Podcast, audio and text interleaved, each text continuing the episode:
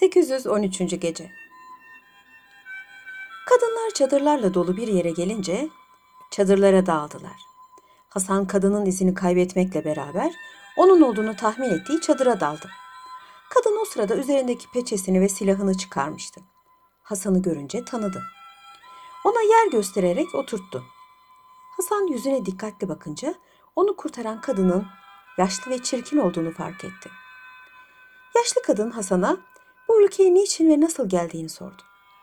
Hasan ağlayıp sızlayarak kadından yardım istedi. Adı Şahavi olan ihtiyar kadın bu hususta ona elinden gelen yardımı esirgemeyeceğini söyleyerek çadırdan çıktı. Kapıda bekleyen asker kadınlardan birisine bütün silahşörlerin sefere hazır olmaları için lazım gelen yerlere emirlerini bildirmesini söyledi. Hasan bu ihtiyar kadının bir kumandan olduğunu anlamakta gecikmedi. Ertesi gün Şafak'la beraber kadın askerler başlarında o ihtiyar kadın olduğu halde çadırlarını toplayarak yola koyuldular. Hasan da onlar gibi giyinerek aralarına karıştı. Yolda giderken Şahavi Hasan'a dedi ki, Zannedersem senin zevcen yedinci adadadır. Orası da epeyce uzaktır. Ancak yedi ayda varılabilir. Biz şimdi kuşlar ülkesine gideceğiz. Bu ülkede binlerce çeşit çeşit kuşlar vardır. Onların seslerinden ve kanat çırpmalarından insanın kulakları adeta sağır olur. Orayı geçince cin ve peri diyarına geliriz. Burası da bambaşka bir alemdir. İnsan bu garip mahluklara bakmaya tahammül bile edemez. Korku ve heyecandan yüreği durur. Ondan sonra asıl Vakvak ülkesinin hududuna ulaşırız. Burada da yüksek bir dağla büyük bir nehir vardır. Bu civarda bir ağaç yetişir. Meyveleri insan başı büyüklüğünde olup güneş battığı ve çıktığı zamanlarda vak vak diye sesler çıkarır. Oranın halkı bu seslerle vakitlerini tayin ederler. Sabah olmuştu. Şehrazat gülümseyerek hikayesine ara verdi. Hükümdar masalı ertesi akşam devam etmesini istedi. Şehrazat da o akşam tatlı tatlı anlatmaya başladı. 814. Gece Kadın bir an sustuktan sonra sözlerine devam etti. Bu ülkelere erkeklerin girmesi yasaktır. Oranın hükümdarı bir kadındır. Mahiyetinde sayısız cin ve ifritler vardır. Şayet sen bu ülkeye girmekten korkarsan seni tekrar memleketine iade edeyim dedi. Hasan başını salladı. Hayır, ben ölürüm de verdiğim karardan vazgeçmem. Karıma ve çocuklarıma kavuşmadan yurduma dönmeyeceğim. Bunun üzerine Şahavi ona her kolaylığı göstereceğini ve bu hususta kraliçelerinin yardımını isteyeceğini vaat etti. Hasan ona teşekkür ederek ellerini öptü. Birkaç günlük bir yolculuktan sonra kuşların ülkesine vardılar. Hasan orada gördüğü kuşlardan ötürü hayrette kaldı. Şahavi bu yerde fazla durmayıp cinlerin diyarına geçti. Orada da hiç durmadan yoluna devam etti. Vakvak ülkesinin hududuna vardı. O yüksek dağı ve nehri aştıktan sonra düzlük bir yerde konaklama emri verdi. Mahiyetindeki kadın askerler derhal ona altından yapılmış, kıymetli taşlarla süslenmiş, muhteşem bir taht kurdular ve önünde resmi geçit yaptılar. O gece kurdukları çadırlarda dinlendiler. Ertesi gün Şahavi bir dere kenarına tahtını kurup bütün askerlerinin soyunup birer birer o derede yıkanmalarını emretti. Yine sabah oluyordu. Hükümdar masalı ertesi akşam devam edilmesini istedi. Şehrazat da yarıda bıraktığı masalına ertesi akşam şöyle devam etti. 815. Gece Çok geçmeden yüzlerce genç ve güzel kadın çırılçıplak bir halde dereye akın etmeye başladılar.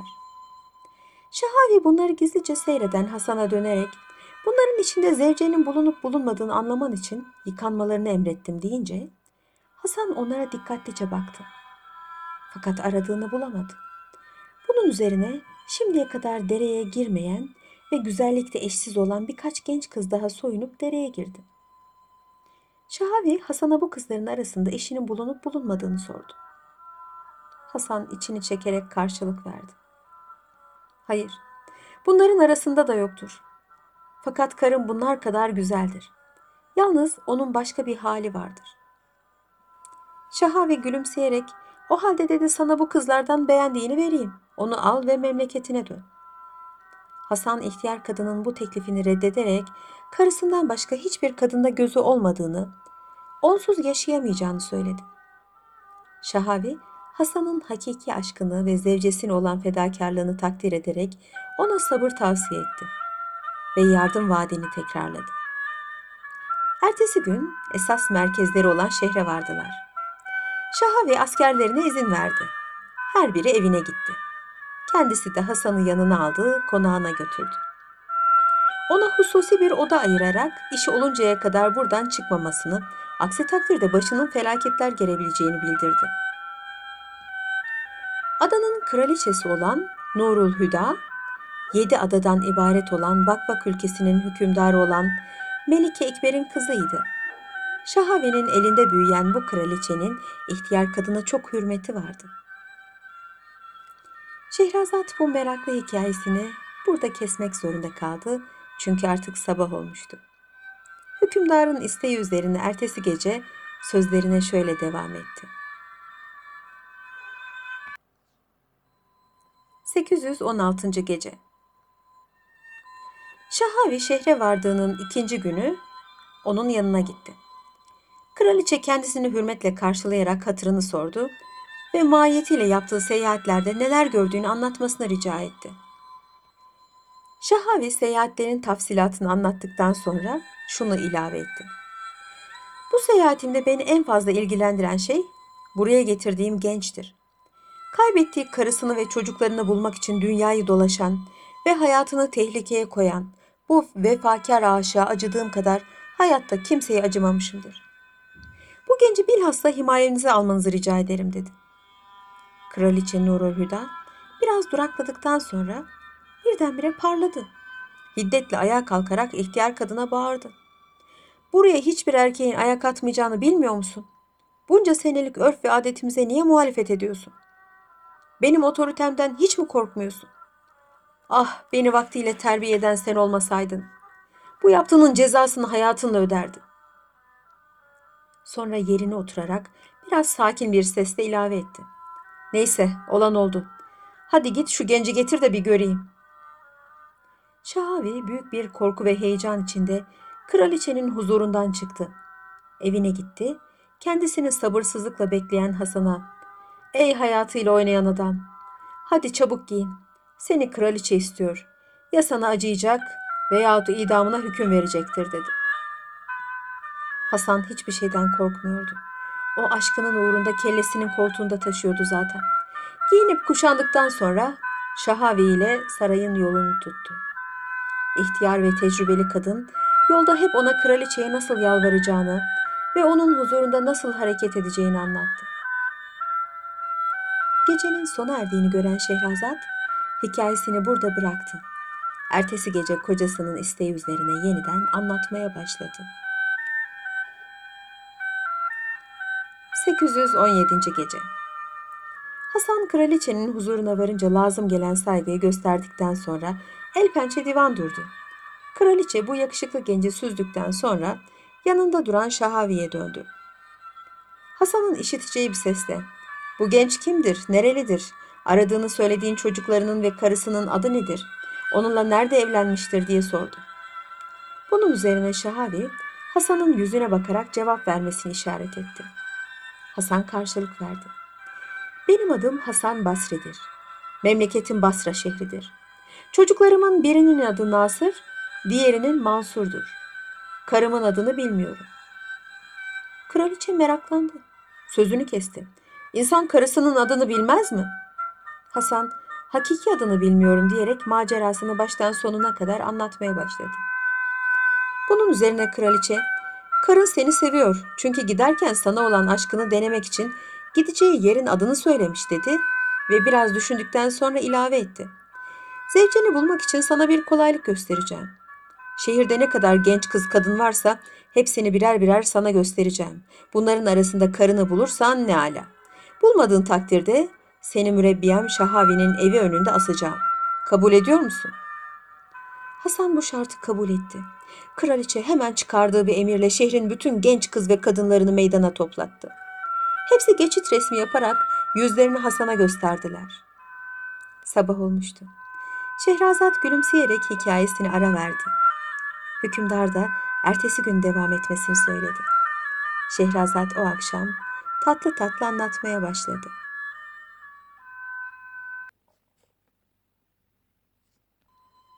...818. Gece Hasan önünden geçen kadınların hiçbirisini karısına benzetemedi. Bu sefer saraydaki kadınlar gelip ona göründüler. Bunların da içlerinde karısını bulamayınca Kraliçe Nurul Hüda kızarak evvelce şart koştuğu gibi idam etmeye kalkıştı. Bunu gören Şahavi kraliçenin ayaklarına kapanarak sevgili kraliçemiz dedi. Bu garip ve bağrı yanık zavallıyı idam etmekten ne çıkar? Aradığını bulmadıysa bir kabahat mi işledi?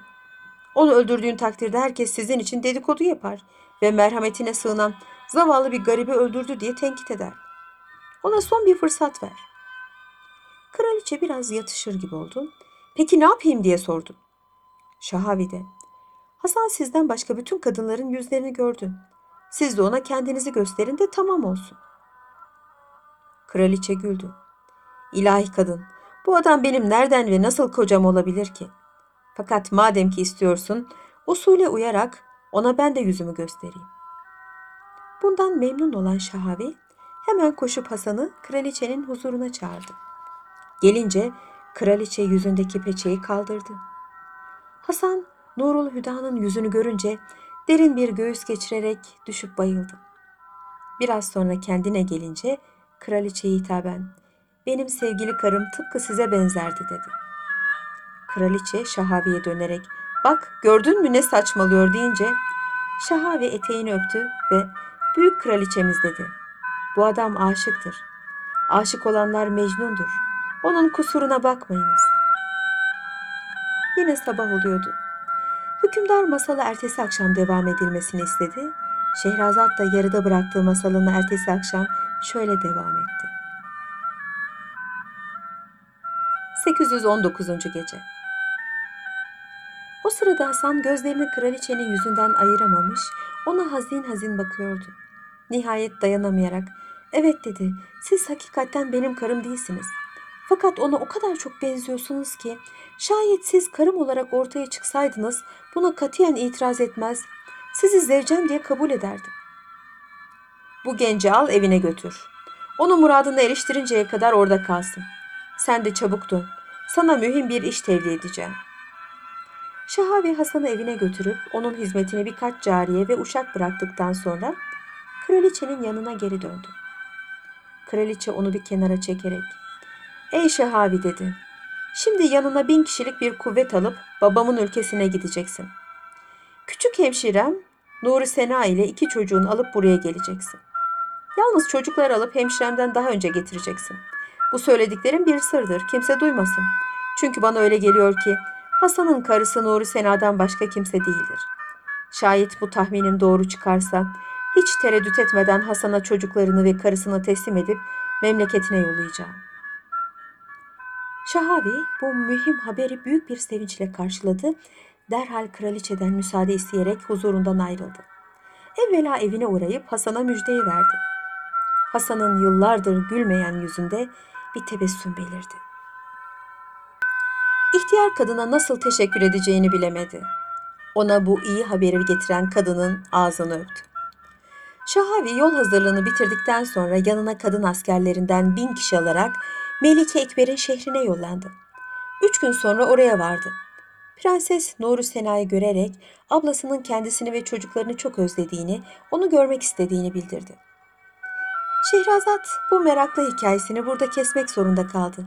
Çünkü artık sabah olmuştu. Hükümdarın isteği üzerine ertesi gece sözlerine şöyle devam etti.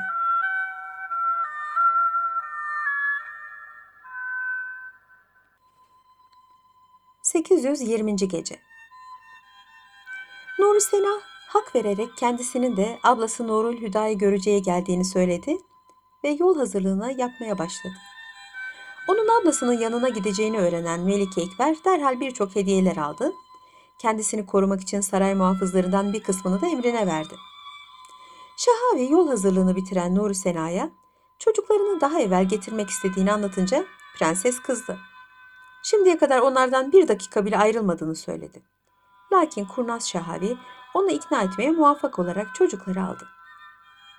Ondan evvel yola çıkıp kısa bir zamanda Kraliçe Nurül Hüda'nın sarayına vardı. Çocukları teslim ederek Nuru Sena'nın yolda olduğunu bildirdi.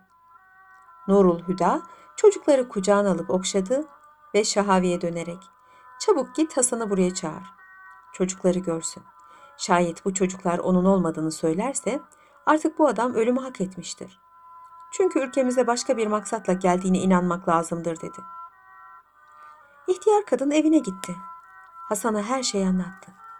Hasan korku ve heyecan içinde sarayın yolunu tuttu. Oraya varınca kraliçenin huzuruna çıktı. O sırada yanında oturan çocukları görünce sevinç ve heyecan içinde kaldı. Adeta gözlerine inanamıyordu. Baygınlıklar geçirerek evlatlarını kucağına aldı. Bağrına basıp ah yavrularım dedi. Nihayet size kavuştum. Çocuklar da babalarını tanımışlardı. Onu öpmeye ve babacım babacım diye sevinçle ağlamaya başladılar. Başta kraliçe Nurul Hüda olduğu halde mürebbiyesi Şahavi ve orada bulunanlar bu hazin sahne karşısında hüngür hüngür ağlamaktan kendilerini alamadılar. Kraliçenin küçük hemşiresinin Hasan'ın karısı olduğundan şüphesi kalmamıştı. Birdenbire içinde bir kıskançlık hissi peydah oldu. Biraz evvel Hasan'a ve çocuklarına acıyan o değilmiş gibi bir tavır takındı.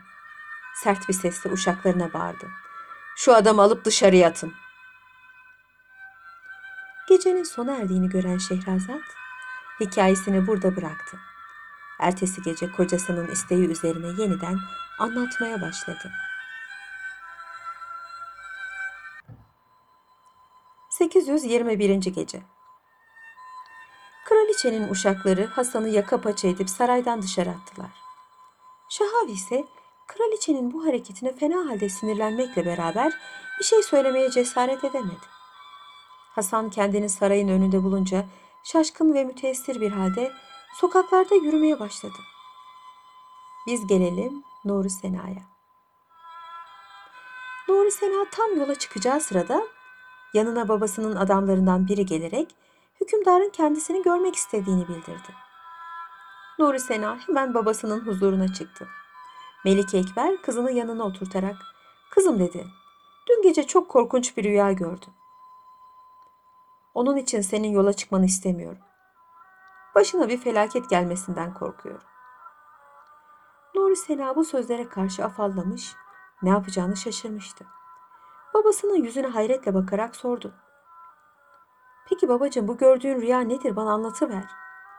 Hükümdar da anlatmaya başladı. Dün gece rüyada içinde altın ve mücevherat dolu bir mağaraya girdiğimi ve oradan yedi nadide ve kıymetli taş seçtiğimi fakat dışarıya çıktığım zaman yabancı ülkeden gelmiş bir kuşun o taşı elimden kaptığını gördüm. Sabah olunca bu rüyayı tabirciler anlattım.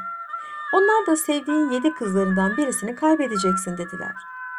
Bana öyle geliyor ki sen bu seyahate çıkmakla gördüğüm rüyayı gerçekleştireceksin. Ondan korkuyorum. Babasının bu sözlerini işiten Nuri Sena, babacım dedi, böyle evhamlara kapılmayın. Ablamı çok göreceğim geldi. O beni şimdi sabırsızlıkla bekliyor. Memleketimize bir yabancının ayak basmasının ihtimali yoktur. Hükümdar bu sözlerle rahatladı. Kızının yanına itimat ettiği adamlardan birisini katarak ablasının yanında üç günden fazla oturmamasını tembih etti. Sabah olmuştu. Şehrazat gülümseyerek hikayesini ara verdi. Hükümdar da masalı ertesi akşam devam etmesini istedi. Şehrazat o akşam tatlı tatlı anlatmaya başladı. 822. gece Nuri Sena yola çıktı. Kısa bir yolculuktan sonra nihayet Nurul Hüda'nın sarayına vardı. Onun yanına girdiği zaman çocukların baba baba diye bağırdıklarını gördü. Dayanamayarak ağlamaya başladı ve onları kucaklayarak ah yavrularım dedi. Keşke sizi babanızdan ayırmasaydım. Ben de onu çok özledim.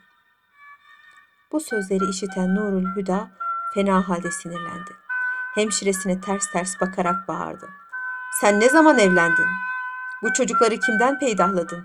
Niye bunları bugüne kadar bizden sakladın? Fakat Allah bugün bana her şeyi öğretti. Sonra adamlarına döndü, hemşiresini bağlamalarını ve dayak atıp hapse göndermelerini emretti. Kraliçenin izbandut gibi adamları Nuri Sena'yı yakalayıp ellerini ve ayaklarını sımsıkı bağladılar. Sonra onu bayıltıncaya kadar dövdüler. Kendine gelince Nuri Sena'yı adi bir hırsız veya katil gibi cezaevine gönderdiler. Nuri Sena bu muamelelerine her ne kadar itiraz ettiyse de kimseye söz dinletemedi. Nurul Hüda hemşiresini zindan attıktan sonra babasına bir mektup yazarak Nuri Sena'nın nasıl gizlice yabancı bir adamla evlendiğini ve memleketine gidip onunla senelerce yaşadığını ve çocukları olduktan sonra kocasını nasıl bırakıp kaçtığını, Hasan adında olan bu adamın onu aramak için ülkelerinin nasıl geldiğini bildirdi ve bu sebepten yanına davet ettiği Nuri Sena'yı dayak atıp hapsettiğini öyle bir anlattı ve bildirdi ki aile namusunu kurtarmak için böyle hareket etmek mecburiyetinde olduğunu, bu hususta da emirlerini beklediğini ilave etti. Sonra mektubu uşaklardan birisiyle Melike Ekber'e yolladı. Hükümdar mektubu okudu. Fena halde sinirlenerek Nurul Hüda'ya şu mektubu yolladı. Kızım, mektubunu aldım. O hain kız verdiğin cezaya müstehaktır. Bundan sonra ona ne yaparsan yap, bu hususta sana sarayet veriyorum. Nurul Hüda babasından bu cevabı alınca hemen hemşiresini yanına getirtti. Ona büyük hakaretler ettikten sonra gözü önünde dövülmesini emretti. Bunu gören Şahavi sıra kendisinde olduğunu anlayarak savuşmak istedi. Fakat Nurul Hüda buna meydan vermedi. Adamlarını yakalatıp ona da dayak attırdı. İhtiyar kadın bayılıncaya kadar dayak yedikten sonra saraydan kovuldu. Nuri Sena da yeniden zindana atıldı. Sabah oluyordu. Hükümdar masala ertesi akşam devam edilmesini istedi. Şehrazat da şöyle devam etti.